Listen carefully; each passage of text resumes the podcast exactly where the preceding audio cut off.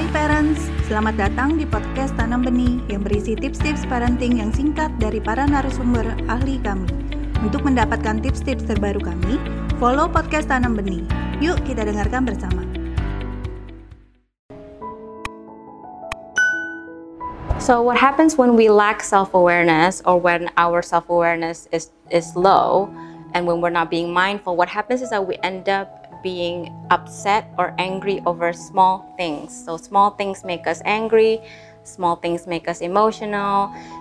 And then we also are unable to manage our emotions. For example, when we're upset, we tend to overreact or we tend to, again, do things or say things that we regret later on. Um, and we also end up taking it out on the people closest to us. So, for example, if we have children, when we are not mindful and we are stressed out because of work, when we come home, we tend to take it out on the children. So uh, sometimes we get angry not because of our children, but because we're already tired or we're stressed out because of work or because um, an argument that we've had. So we take it out on the children. That's that's the negative side of lack of self-awareness. So, what I find in my work is when children are around parents with low self awareness, is that they end up, uh, the parents end up causing emotional and mental damage to the children.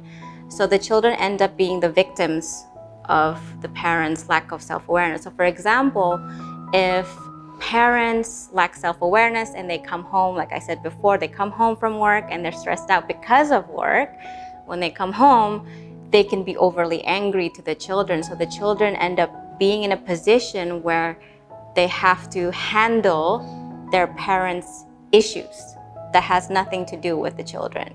So the children end up being the victims. They end up having to deal with their parents' personal issues or work issues. Um, and that causes a lot of damage to the children's mental health. It, it it causes a lot of trauma because they end up being very confused. Children end up being very confused and they end up feeling like whatever they do always um, angers their parents. So they're very confused. Like, I don't know what I've done. My mom comes home or my dad comes home and they're already in a bad mood and I cannot be around them because if I do something wrong, they will be overly angry. It just doesn't make sense. They're very confused about it and they end up blaming themselves. So it causes a lot of trauma to the children. If you see your children already being traumatized, for example, you can come in with to your children and speak to them about it. You can even be transparent about it. You can say, sorry, you can apologize. Sorry that I was upset. Um, it wasn't about you, it was about my work or it was about something else. So it helps by explaining to the children. Terima kasih telah mendengarkan podcast Tanam Benih. Jangan lupa follow podcast Tanam Benih. Tidak pernah ada kata terlambat loh untuk belajar.